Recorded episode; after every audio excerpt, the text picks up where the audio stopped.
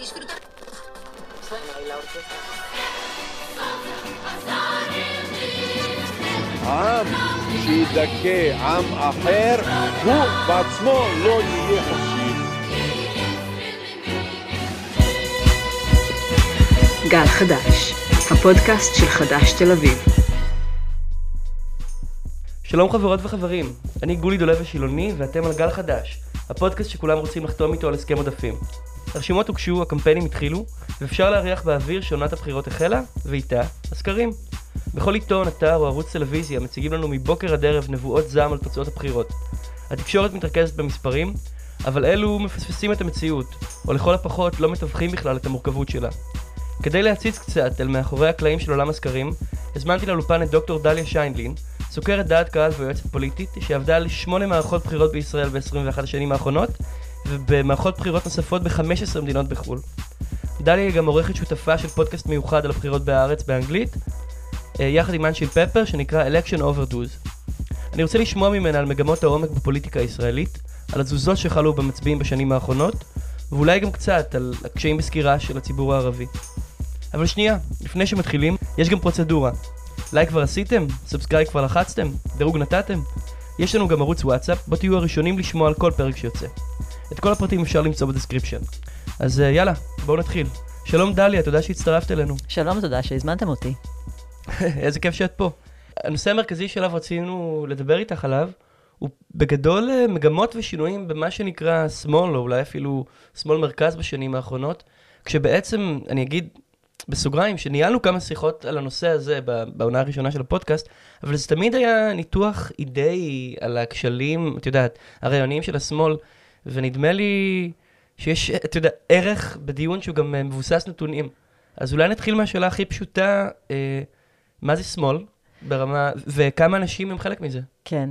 אני מאוד שמחה שהתחלת בהקדמה הזו שהסברת, שעד עכשיו ניתחתם את ההחלטות, האסטרטגיות של המפלגות ושל האליטות. מה זה נתונים הרי? נתונים זה לא סתם מספרים, זה הקול של האנשים.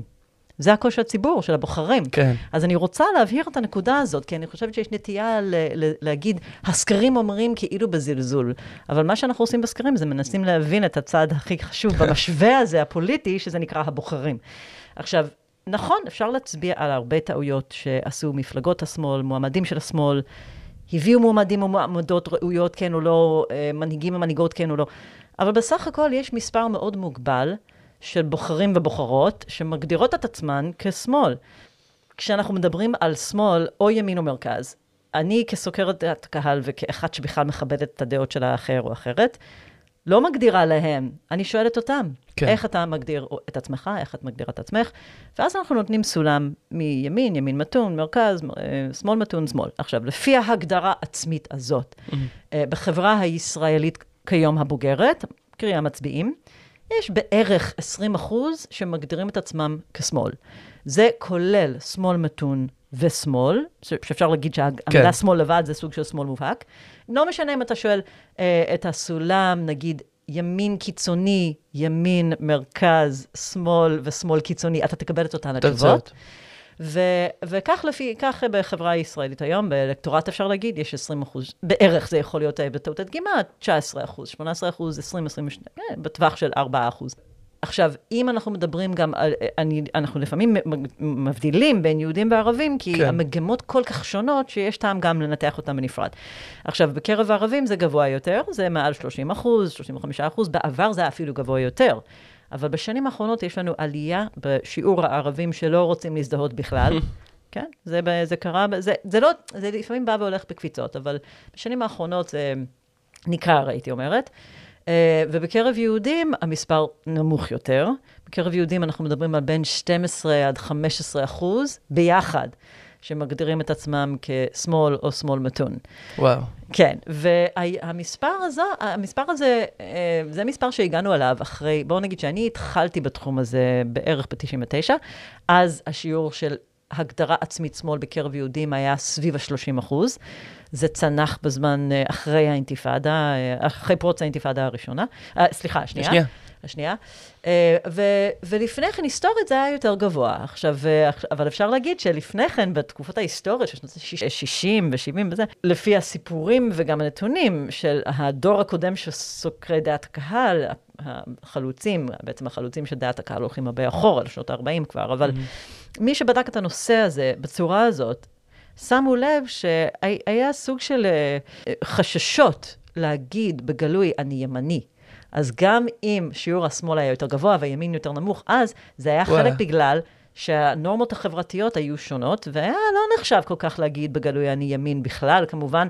היה לא נהוג להגיד, אני מצביע אה, מחל, ולכן הרוב, לא כולם, אבל פספסו. שכולם הסתירו, כל הפועלים הסתירו שבסתר הם אה, מצביעים לתאצ'ר, כן, היו מחוזות שלמים כאלה. יש תמיד את, התופעה של ה shy Tories ו shy Trumpers וכל כן. מיני, זה שיח אחר, אבל זה בעצם אה, הפך, אה, התהפך בעקבות האינתיפאדה בגדול, בעקבות כישלון של הכהונה של אהוד ברק וקמפ דיוויד, ועכשיו, אה, יש, אה, צריך להבין שגם שיש מספר מאוד נמוך, של אנשים שמגדירים את עצמם כשמאל, שיש פלח גדול יותר. רוב השמאל, רוב השמאל שצנח אחרי האינתיפאדה השנייה, הם לא נהרו לימין, mm. הם בגדול חנו אצל המרכז. כלומר, כרגע המרכז בישראל, אנשים שמגדירים את עצמם כמרכז, זה בערך רבע, 25 אחוז מהחברה. אבל אם עוברים רגע מה... טוב, אז כבר אנחנו יודעים כמה ימין, אם השמאל הוא באזור ה-20 והמרכז הוא 25. לא, כי יש גם אלה שלא מזדהים, אבל בגדול הימין בישראל בערך 50 אחוז, ובקרב יהודים בלבד זה ב-57, 8, נושק ל-60. אבל אם אנחנו שנייה יוצאים מהגדרה עצמית ושואלים, את יודעת, על מה עומד בקור, בבסיס של כל אחת מההגדרות האלה, יש, את יודעת, איזה ערכי ליבה בכלל של מרכז? אפשר לדבר על תפיסת עולם שהיא מרכז שהיא מובדלת uh, מהימין ומהשמאל? בוודאי, זה אולי לא מאוד, זה, זה כמובן בוחר. בדעות שבחלקן שותפות uh, לשמאל וחלקן שותפות לימין יותר. אבל יש, בואו נגיד שהסולם הזה של הגדרה עצמית היא מאוד אמיתית. אני מאוד uh, מתנגדת לעמדה שאין יותר ימין, מרכז ושמאל בישראל, כי רק צריך לפתוח סקרים, לעשות פילוח ולחשוב איך אנשים שמגדירים את עצמם כשמאל, עונים על שאלות, והם עונים על שאלות בצורה אחרת, הפוכה לגמרי מאלה שמגדירים את עצמם ימין. לא צריך יותר הוכחה מזה, וזה מאוד מאוד עקבי בכל סקר. ומה הנושאים שממש אה, חוצצים בין ימין, מרכז ושמאל? א', הנושא המדיני, עדיין. אני קוראת לזה כמו, זה, זה, זה מרחף מעלינו כמו רוח רפאים. גם אם זה לא נמצא. על סדר היום בבחירות, אף אחד הרי לא מדבר על בחירות האלה זה לא מאוד זה נמצא. לא, אבל זה כן היה בבחירות של 2019, ולא בצורה של שיחות שלום, אלא בצ, בצורה אחרת. של סיפוח, של לא? של סיפוח, של כמה אפשר לקחת. זה כן היה על האג'נדה באופן הזה, אבל גם אם זה לא נמצא על האג'נדה, זה, שם אתה רואה את הפערים הכי קיצוניים בין שמאל, מרכז וימין, כאשר המרכז, בתפיסות לגבי איך להתקדם לקראת הסדר מדיני, יש לו יותר משותף, הוא יותר נוטה כמו השמאל. וזה נובע מכך שאנשים שמרכז, חלק גדול מהמרכז היום, הם אנשים שפעם הזדהו כשמאל ועברו. ובמה הם מבדלים מהשמאל אנשי המרכז? שבגדול, השאלה, אני חושבת שהכי, שתי השאלות שהכי הכי ממחישות את ההבדלים האלה, זה תמיכה בנושא של הסדר שתי מדינות, ותמיכה או התנגדות להתנחלויות. עכשיו, בשמאל יש כמעט קונצנזוס בעד שתי מדינות ונגד התנחלויות. מה זה קונצנזוס? בין 80-90 אחוז כן. אה, אה, תמיכה והתנגדות בהתאמה. אצל, בימין, אצל ימין זה הפוך, בדיוק הפוך. עכשיו, אצל המרכז יש באופן קבוע בערך שני שליש, זה יכול להיות 60 אחוז, זה יכול להיות 70 אחוז, שתומכים בשתי מדינות. ובגדול, Uh, המרכז לפעמים חצוי חצי-חצי בנושא של התנחלויות, ולפעמים יש, יש רוב שמתנגדים להתנחלויות. לא מש... תלוי כמובן איך שואלים את השאלה. תלוי איזה התנחלות, תלוי. כן, לא, כן, נכון, איזה התנחלות ואיך שואלים את השאלה, ומה בדיוק מבקשים מהם, איך אה, להגיד, האם אתה כן. בעד או נגד הרחבה או פינוי, אבל בגדול ככה זה מתחלק. עכשיו, בנושא של שתי מדינות, באמת אה, הנטיות הן הרבה יותר כמו השמאל. לא, לא בשיעור של 90 אחוז, אלא, ש, אבל כשמדובר בשני שליש שתומכים, אז זה עדיין נחשב רוב גדול. עכשיו, הנושא השני שמאוד חוצץ בין ימין, מרכז ושמאל בישראל זה דת המדינה. אם, כן, אפשר להגיד שזה הנושא השני בסולם שמבדיל, אבל זה נושא מאוד חשוב. ושם השמאל, המרכז באופן מובהק יותר כמו השמאל. רוצים הפרדת דת ומדינה, רוצים אה, מדינה עם מוסדות אה, אזרחים ולא נשלטים על ידי מפלגות דתיות או, או אה, הרבנות.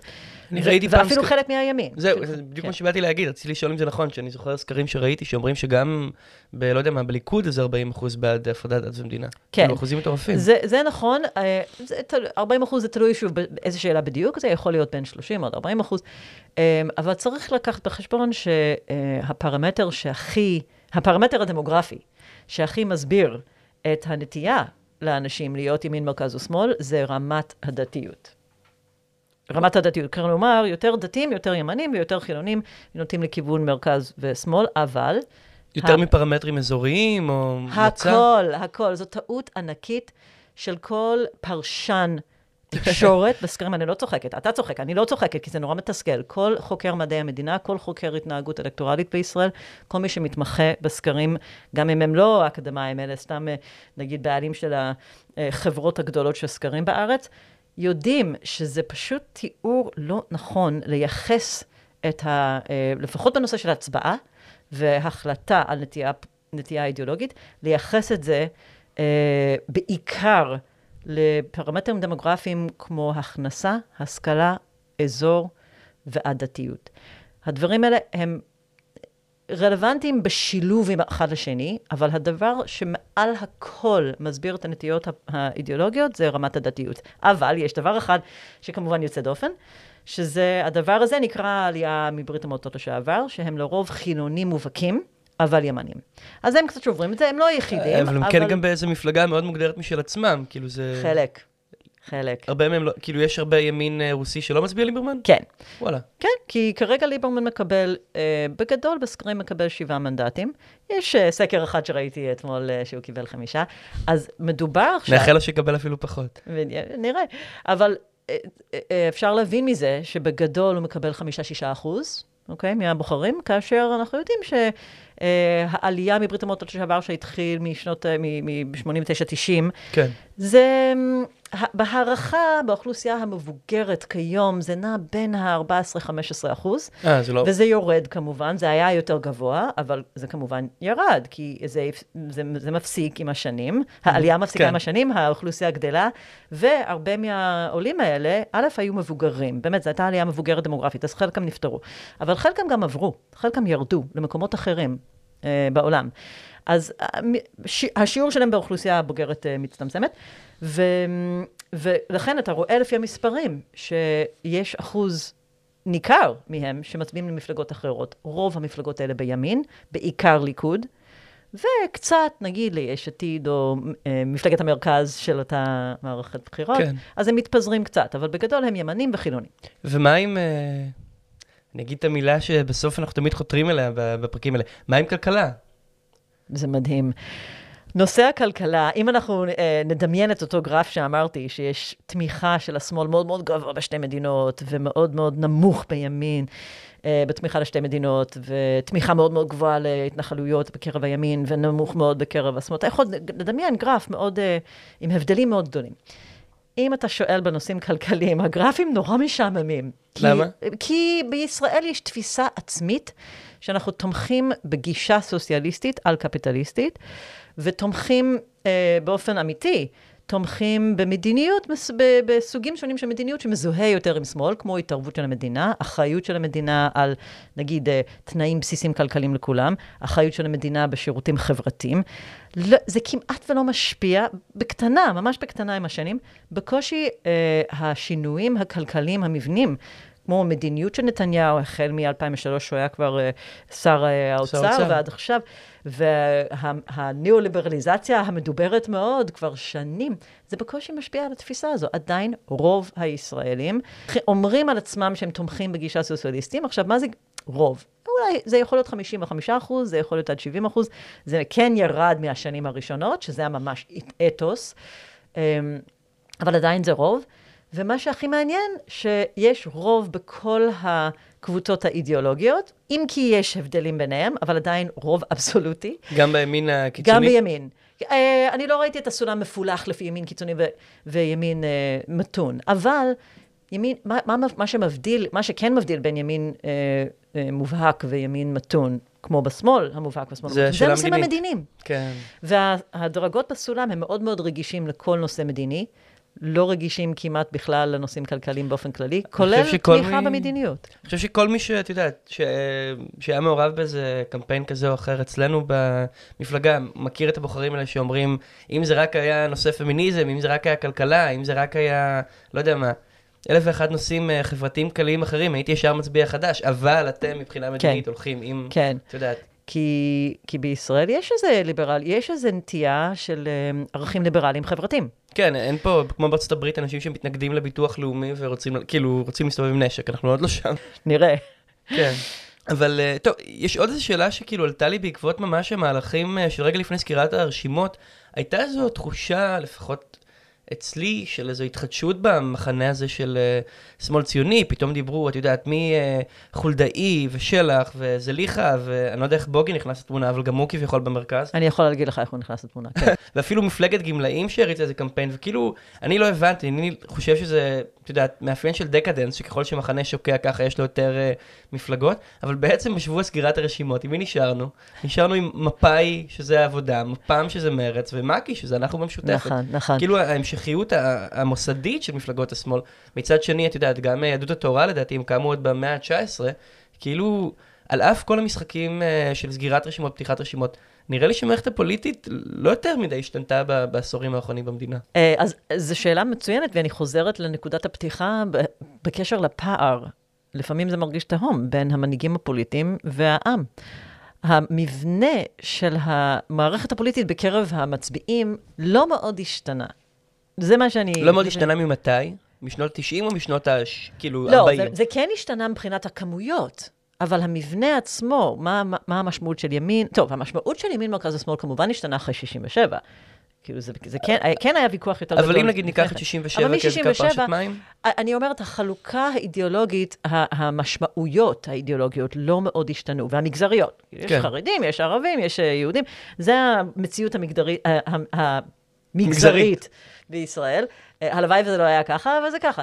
עכשיו, זה לא השתנה. יכול להיות שהכמויות השתנו, השתנו אחרי, מה שאמרתי, אחרי פרוץ האינתיפאדה השנייה. ו- כן. אה, תחושת אה, הכעס וניפוץ אשליות של השמאל, אז הרבה אנשים... אבל זה אותן, זה אותם המחנות. הם פשוט שינו את הגודל.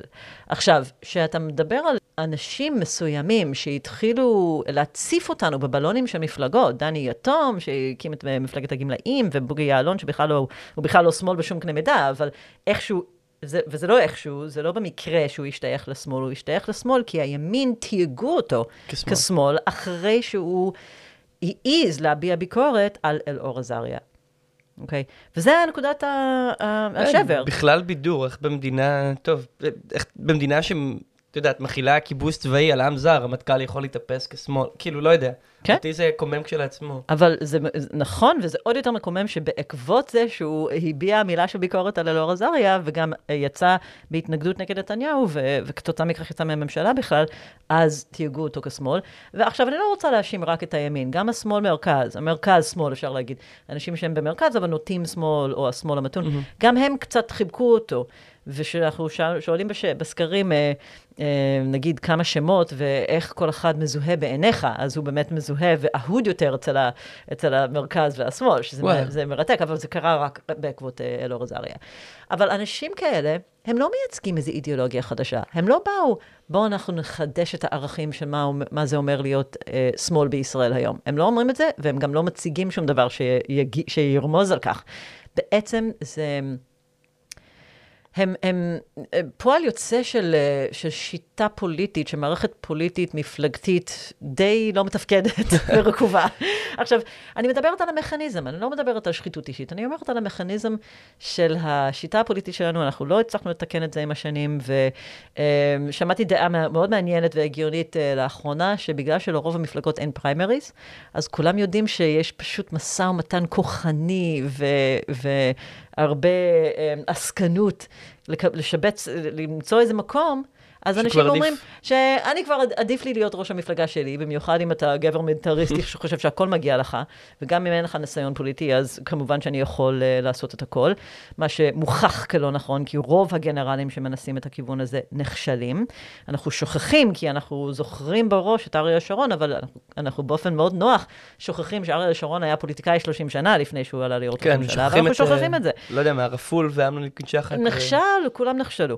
אז, אז אני חושבת שזו הסיבה שהאנשים האלה בסוף נופלים, כי הם לא באמת מייצגים אה, איזו אידיאולוגיה או רעיונות, הם, הם בגדול מייצגים, אני חושב שאני יותר טוב מיאיר לפיד, אני חושב שאני יותר טוב מבני גנץ. וה, והציבור, לזכותו ייאמר, לא קונה את זה. כשברקע, שוב פעם, יש גם המשכיות של כל המפלגות הקיימות. נכון. מכל הכיוונים. כן. בעצם זה לא רק השמאל. אני חושבת שאנחנו, אני חושבת שזה בגלל שמ-67, אה, הנושא המדיני משתלט על הכל. שוב, גם אם הוא לא נמצא על סדר היום באופן אה, אה, מפורש, ואני חושבת שזה תוקע אותנו יותר ממה שאנחנו מבינים.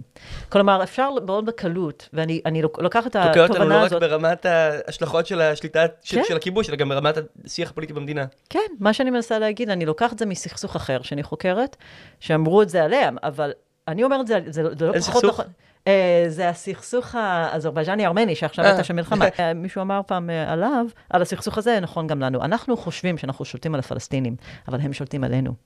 ולכן גם המערכת הפוליטית שלנו תקועה, כי אנחנו לא מצליחים לקיים באמת ויכוח פוליטי על מדיניות, על נושאים על סדר היום, מעבר לתקיעות הזו של ימין, מרכז ושמאל. והימין מסכים עם השמאל בהרבה דברים, רק לא נצביע על מפלגה שמאל בנושא המדיני. ואולי הפוך גם, לא יודעת, אבל במרכז, באמת, כאילו, המרכז, כמו שאמרתי, אמ, שותף לשמאל בכמה דברים, שותף לימין בכמה דברים, והיו מפלגות טובות ורבות שניסו, שניסו עם השנים כן. אה, לקדם נושאים חברתיים וכלכליים, ובסוף זה לא מה שמצביע את הקולות, זה, זה, לא, זה לא מה שמביא את הקולות, זה מקסימום משכנע אנשים בתוך גוש לעבור לצד זה או אחר. לעבור לכחלון. אבל בשנים האחרונות זה הכל ביבי או לא ביבי. אז גם זה משתלט על הכל. אז יש שילוב של דברים לא בריאים שמשתלטים על ההחלטות שלנו. האמת שזה מרתק, ונראה לי שתכף אולי נדבר שוב פעם על, אה, על התמסדות של מפלגות מרכז, ואולי גם על המגזר הערבי, אבל לפני זה הגיע הזמן לשאלה הקבועה שלנו, נכון? מה החוק הראשון שהיית מעבירה אם היית ראש הממשלה? אולי נחזור לזה בסוף התוכנית, אני צריכה לחשוב על זה. אני לוקחת את התפקיד שלי לא, זהו, מאוד אנחנו ברצינות. תקועים, אי אפשר, אה, להתקדם עד שלא תגידי משהו. אה, טוב, אני חושבת שצריך להיפטר מהסכסוך המדיני. עכשיו, זה לא כזה פשוט. אז זה לא בדיוק חוק, אבל אני חושבת שאני שם בראש סדרי העדיפויות אה, את הצעדים הראשונים שצריך, א', להפסיק את ההסתה, להפסיק את ה... אה, מה שאני, א- אין לי דרך אה, אחרת לתאר אותם כשקרים, כשקרים, באמת על הנושא הזה. אה, ואני מתחילה ליצור עידן של שותפות חדשה עם המנהיגים הפלסטינים, ומנסה להניח את הקרקע להסדר עתידי, לא עתיד הרחוק, אלא בעתיד הקרוב, אה, תוך צמצום פערים כלכליים ופערים פוליטיים במבנה הדמוקרטי של הצד הפלסטיני, ומגיע אה, למצב שאפשר יהיה לקדם הסדר מדיני בצורה של שתי מדינות קונפדרטיביות. אמן, נראה לי תומר סאונדמן, אה, אני, אני רואה את החיוך שלו מתחת למסכה, הוא חותם על כל מילה. לי זה לפחות נראה שאם יש איזה תהליך ברמת, אה, לא אידיאולוגיה של המצביעים, אבל קבלת ההחלטות כן. במדינה, שזה נושא אחר של משילות, זה דהירה... נכון, אבל אני חושבת שזה מאוד עקבי עם סגנון הניהול ורצון אה, לנהל בסגנון של ביבי. זאת אומרת, נתניהו הוא לא מה זה איזה... סגנון הניהול הזה? הסגנון הניהול של ריכוז כוח, קודם כל, של שחיקה בערכים דמוקרטיים, של איזונים ובלמים. זה לא משהו שמעניין אותו יותר מדי, גם אם הוא בעצמו נזהר, אבל הוא תמיד דאג להכניס לקואליציות אנשים שיעבדו כל הזמן אה, לגדוף ו- ולהחליש את אה, מערכת המשפט, ועכשיו הוא בעצמו קפץ לתוך הסיפור הזה, וכל הזמן מדבר על את יודעת, דיקטטורה סיפור קפץ עליו עם אה, כמה תיקים. הוא, שני. כיוונים. כן, הוא, יכול להגיד את זה, אבל מה זה הציבור קפץ עליו? זה מערכות שזה התפקיד שלהם, זה לחקור uh, פרשיות של שחיתות כן. ולחקור את האמת. אז אפשר להציג את זה כמזימה פוליטית, אבל בגדול זה... אה, אני לא יודעת אם אתה לא, לא, מאמין לזה. אני- אבל בטח לא מזימה פוליטית, אבל אני אומר, אה, את יודעת, כשפותחים נגדך כך וכך תיקים, אה, אני לא חושב שהותירו לו הרבה ברירות אם הוא רוצה להישאר מחוץ לכלא, מאשר למה? להילחם למה? לא? היו ברירות להגיד, אני זכאי, אני מתכוון למצות את התהליך של מערכת המשפט, כמו קצב נגיד? כמו קצב, כן, בגדול כן. אבל קצב כבר אה, יצא, כאילו, הוא... אבל קצב נכנס לכלא. כן, בסדר, אבל אה, אם, אם הוא באמת מאמין שהוא זכאי, אז הוא לא מאמין שהוא ייכנס לכלא. כן. הוא צריך לתת אמון במערכת המשפט, במקום להגיד, במקום להגיד, אני מתכוון אה, להילחם על חפותי, הוא לא רק תוקף את, מערכת, את, את, ה, אה, הפרקליטות והמשטרה ו, ויועץ המשפטי לממשלה, הוא תוקף את מערכת המשפט, הוא נותן לאחרים משותפים שלו לתקוף את מערכת המשפט, ולא רק לתקוף, להגיד שהם רקובים ומושחתים ומנהלים את המדינה, כל המזמים, המזימות שאנחנו מכירים מה... playbook הפופוליסטי, ועכשיו מתחיל לדבר על דיקטטורה של הפקידים, וזה ממש נהיה כבר, הוא בונה לעצמו ממש, הוא בונה למדינה, אה, חזון שלם של המדינה רקובה ו, ורוצה לקפח את האזרח, ורק אני אישית, נתניהו, יכול להציל אתכם, ולכן צריך לתת לי את כל הכוח להילחם מול כל מוסדות המדינה. וזו התפיסה שהוא רוצה. עכשיו, הוא בגדול מתקשר את אותו דבר לערבים. הוא אומר, רק אני יכול לעזור. רק אני יכול לעזור לכם. כמו שאתה אמרת, סוג של פטרוניות. וזה חוזר לשאלה שלך. מנסור כן. עבאס כנראה משחק את המשחק הזה. אני לא יודעת מה הוא חושב, אומר לעצמו. האם הוא מאמין שזו הדרך הנכונה, או אם הוא חושב שהוא יכול איכשהו... אה, למטב לב- עמדות, אה, כן, פוליטיות. קצת לנתב, אה, ו- ואולי לייצב, אה, אולי לייצר לעצמו זהות ייחודית, לייחד את עצמו בחברה הערבית ולקבל יותר קולות, אבל האמת, רוב הסקרים מראים שהוא לא עובר את אחוז החסימה, אז נראה. נהדר, טוב, כן. אה, חבל שלא רואים חיוכים ב- כאילו בהקלטה של פודקאסט, כי היו הרבה או מהם מאחורי בהקלטה מסכות. הזו. כן. מעניין אותי לשאול גם על יאיר לפיד. אני, כי אני אגיד לך מה, זה, זה... האמת, דיברתי על זה עם אנשים אחרים מהצוות, ואחד מהם עדיין אמר שיאיר לפיד הוא מפלגת אווירה, מפלגת אווירה, ולי יש תחושה שיאיר לפיד עבר איזה תהליך, אני לא יודע אם לקרוא לזה התבגרות פוליטית, התמסדות פוליטית, אבל היום נראה לי שיאיר לפיד כאילו...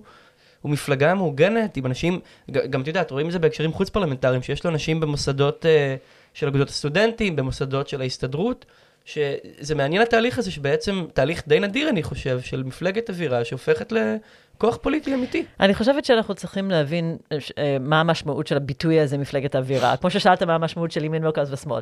אז אז מה המשמעות של אווירה, מפלגת לא, אווירה? יש שני דברים שאפשר להגיד. שהאידיאולוגיה היא, אבי, היא אבי, אוורירית ואין לה יותר מדי תוכן, או המפלגה והמוסדות והדרך פעולה והמסרים שלהם והקמפיינים שלהם הם מפלגות אווירה.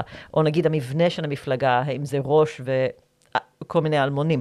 עכשיו, במובן הראשון, האידיאולוגי, אני מבינה את הביקורת שזה מפלגת אווירה, כי קשה באמת אה, להבין מה הם בדיוק מייצגים. הם מאוד עמומים בנושא המדיני, הם קצת מדברים על שתי מדינות, אבל באופן מאוד כללי, ולא שמים את זה בראש סדרי עדיפויות, ובמובן החברתי-כלכלי הם מדברים בגדול על הדברים שהם בקונסנזוס, אז לא לגמרי ברור אידיאולוגיה. אז אני יכולה להבין את הביקורת, אם כי העמדות שאמרתי עכשיו, כן מייצג פלח לא קטן של האוכלוסייה. כמו שאמרתי, יש. הסכמה רחבה, לא, יש הסכמה רחבה, ימין, מרכז ושמאל, על הנושאים הכלכליים, אוקיי? שהם מנס... שלא צריך, לש... אסור לשכוח שהם קמו בעקבות המחאה החברתית. והם אה, היחידים ששרדו כמפלגה, או בכלל כמועמדים, כפוליטיקאים אחרי המחאה החברתית, מתחשב בכך שעכשיו, לא רק שסתיו שפיר יצא החוצה, אבל איציק שמולי. אה, שני הד... שתי הדמויות הכי מזוהות עם המחאה החברתית, למעט יאיר לפיד. עכשיו, אה, לא יודעת, המערכת פלטה אותם החוצה. כן. אז אה, א', שתי דמויות גם, זה עניין אחר, עניין הזה דורי, אני זוכר שכששמולי ושפיר נכנסו, היה דיבור על זה שהם פשוט הפרלמנטרים הכי צעירים, שזה נכון. דור חדש בפוליטיקה בלי קשר נכון. לאידיאולוגיה, וזה מעניין שדווקא הם נפלטו, ושמי נכון. שנשארו זה הגוורדיה המבוגרת והזקנה נכון, יותר. זה, זה לדעתי, זה מעיד אה, מש... דברים לא טובים על המערכת הפוליטית בכלל. שהגיל הממוצע, ב... סתם, אני לא יודע מה קורה במדינות אחרות, אבל מ- נראה לי שהוא גבוה. אבל זה גם אומר שצריך להיות, אה, שהדור הצעיר, שלא בא עם רקע של, אפילו יאיר לפיד, אה, אה, קשה להגיד עסקנות, אבל הוא היה בחוגים של האליטות, של האליטות של התקשורת, וגדל בתוך בית פוליטי, ואבא שלו היה פוליטיקאי, כן. הוא הכיר והיה קשור וידע, ויודע, ו... וכל האחרים, יש גם הרבה אחרים שבילו כל החיים של, שלהם בפוליטיקה, ואז אתה רואה שני צעירים שבאים בלי רקע פוליטי במיוחד, למעט קצת פעילות כסטודנטים וזה, מלא אידיאולוגיה, אך ורק אידיאולוגיה כמעט, ותוך כמה שנים הם בחוץ. אה, אבל רציתי לשאול על יאיר לפיד, אז לחזור ליאיר לפיד, לזכותו יאמר, את הביקורת של מפלגת אוויר מבחינת אידיאולוגיה אני מקבלת, אבל אני לא בטוחה שהיא צודקת. הביקורת על מפלגת אוויר מבחינת מבנה המפלגתי ממש לא נכון. הם לא השתנו, נכון. הם התחילו ככאלה, אבל. לא ממש, מההתחלה הם הביאו אנשים, כל ה, הם, הם דגלו בכך שהם הביאו אנשים חדשים לתוך פוליטיקה, שזה נועז. הם לא עשו uh, תצוגת יופי ומצעד היופי והביאו כל מיני סלבים ממיליון מקומות שונים, הם הביאו אנשים שחלקם היה להם הרבה ניסיון בפוליטיקה מקומית, עירונית, הם פעילים בתחומים שונים, מגוון נשים וגברים, זאת אומרת, הם הביאו אנשים, זה הימור, להביא כן. אנשים לא מוכרים. האנשים האלה, הצ...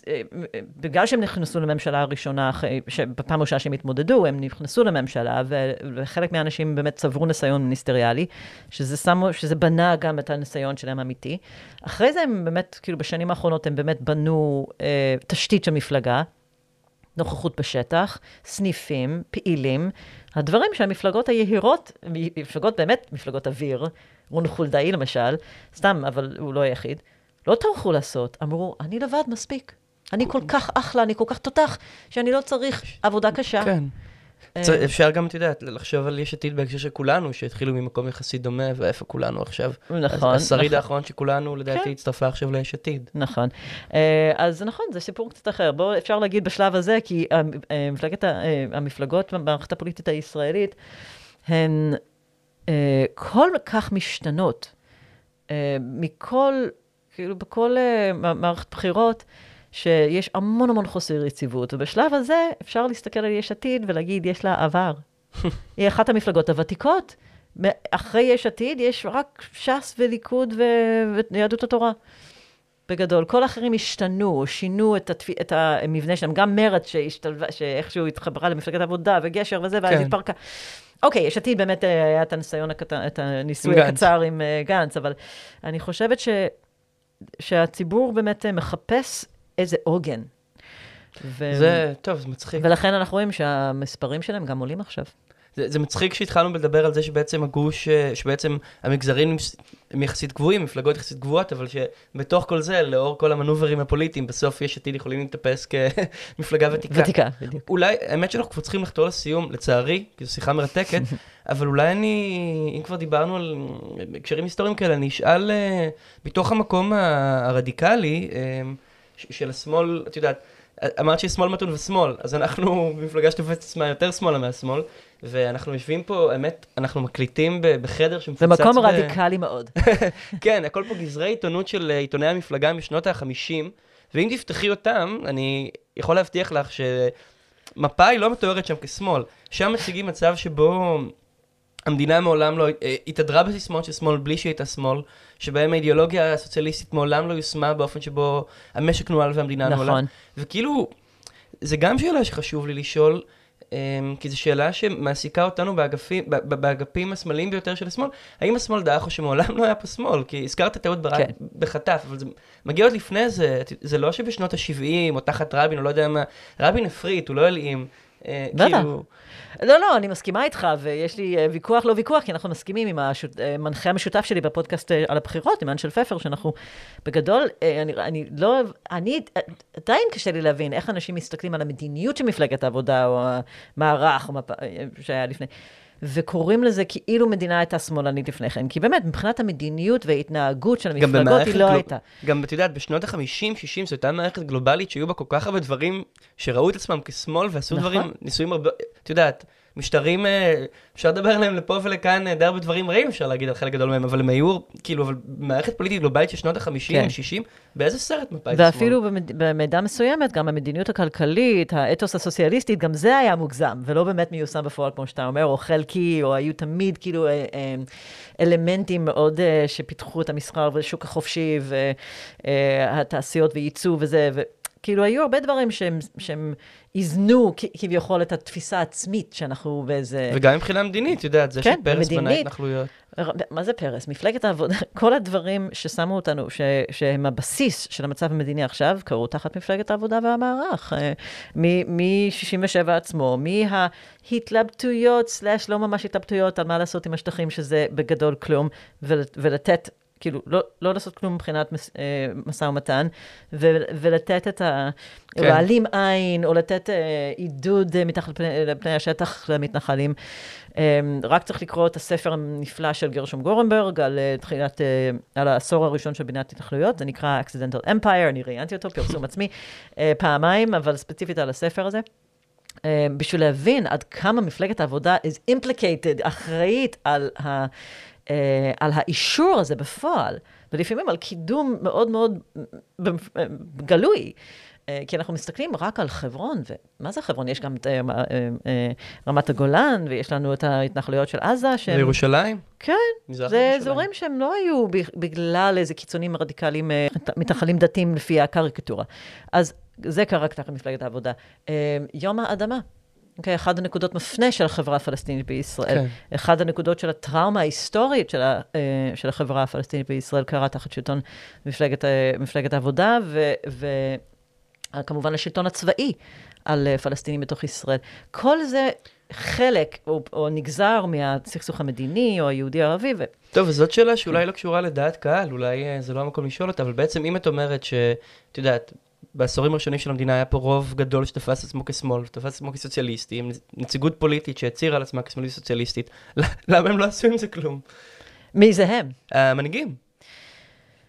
אה, ואני, קשה לי לדבר בשם אה, המנהיגים, אבל אני חושבת שישראל, אה, יש, יש פער בין התפיסה העצמית או הרצון, איך אנחנו רוצים לתפוס את עצמנו, ומה קורה בפועל.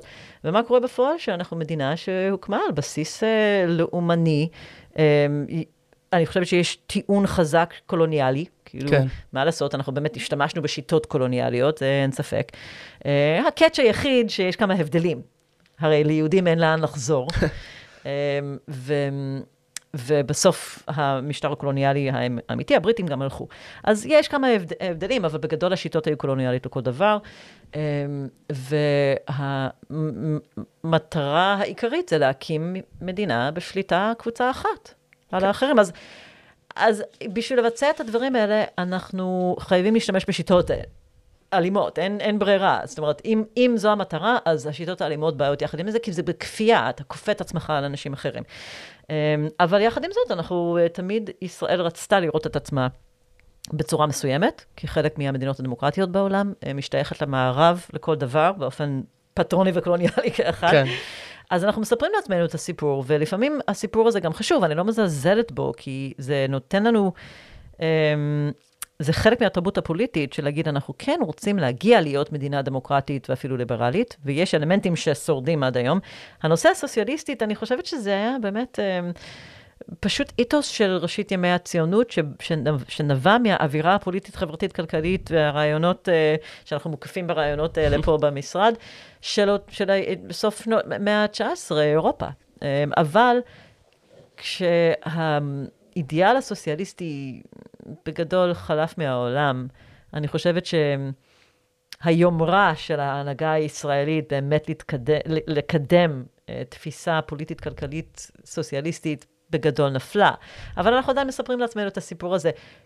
ויש משהו אמיתי, שהציבור הישראלי באמת רוצה שהמדינה תהיה אחראית על שירותים חברתיים ועל סוג של תנאים מינימום בחברה הישראלית. וזה מבדיל, למשל, זה הבדל מאוד גדול מארצות הברית. כן. טוב, נראה לי, קודם כל עם הפער הזה בין המנהיגות לבין uh, הציבור אולי נסיים, אבל אולי גם עם איזה לפחות תקווה שלי להחזיר את הסוציאליזם הזה לסדר היום. נדמה לי שהשיחה הזו חידדה אצלי מסר מאוד מורכב, uh, כי התקשורת עסוקה בניתוחים של ספינים, אבל בכל זאת, uh, יש ערך עצום לסקרים, שמאפשרים, אם ניגשים אליהם נכון, הבנה ממשית של התפיסות האידיאולוגיות והפוליטיות בציבור. לא בהתבסס על מהלכים רעיוניים מרשימים אבל חסרי ביסוס, כמו חצי מהפוליציסטיקה, אלא על סמך עובדות ונתונים. Uh, לשיחה הזו יש גם מסר מורכב עבורנו בשמאל הרדיקלי. Uh, המצב רע, אבל אולי פחות משחושבים. השמאל קיים והוא עדיין משמעותי. Uh, הדבר הכי מדהים בשיחה הזו לדעתי הוא הפער שדליה מתארת בין הציבור לייצוג הפוליטי שלו, המפלגות. בניגוד לנוף הפוליטי שלנו, בו שולטות בעיקר מפלגות אווירה בלי מצע או עמוד שדרה רעיוני, הבוחרים עצמם אוחזים בתפיסת עולם מגובשת, ותפיסת העולם הזו הרבה יותר חברתית והרבה יותר שמאלית ממה שמספרים לנו. ז'יז'ק צדק, יש אידיאולוגיה בכל מקום. ואולי אני חורק כאן מהניתוח הסטטיסטי ומתחיל לדבר בעצמי במילים חסרות ביסוס, אבל נראה לי שאם מפלגות המרכז יתחילו גם הן לדבר אידיאולוגיה, אולי הכיבוש לא ייגמר, אבל השיח הפוליטי כבר ייראה קצת אה, יותר טוב. אז עד כאן היום גל חדש, הפודקאסט הכי מהפכני מעל גלי היתר. עונות לסקרים ב-SMS, מפחדים מקמפיין גוואלד? תכתבו לנו, אנחנו בכל מקום שאפשר להיות בו. ביוטיוב, בספוטיפיי, באפל מיוזיק ובכל אפליקציית פודקאסטים שיש לכם. אם אתם רציניים באמת, בואו לקבוצת הוואטסאפ האקסקלוסיבית שלנו, תהיו הראשונים לדעת שיוצא פרק חדש. ואם אהבתם את מה ששמעתם, שתפו, תדרגו, תספרו לחברות ולדודים, תעזרו לנו להגדיל את הגל. זה גם המקום להודות לשר יהלום על התחקיר, לטל שדות על הסאונד, לתומר שור על הכתיבה והעריכה, ולכל צוות הפודקאסט. וכמובן שגם לכם, מאזינים ומאזינות שלנו. עד כאן השיחה עם דוקטור דליה שיינדלין שהצטרפה אלינו, אני הייתי גולי דולב השילוני, revoir. תודה רבה.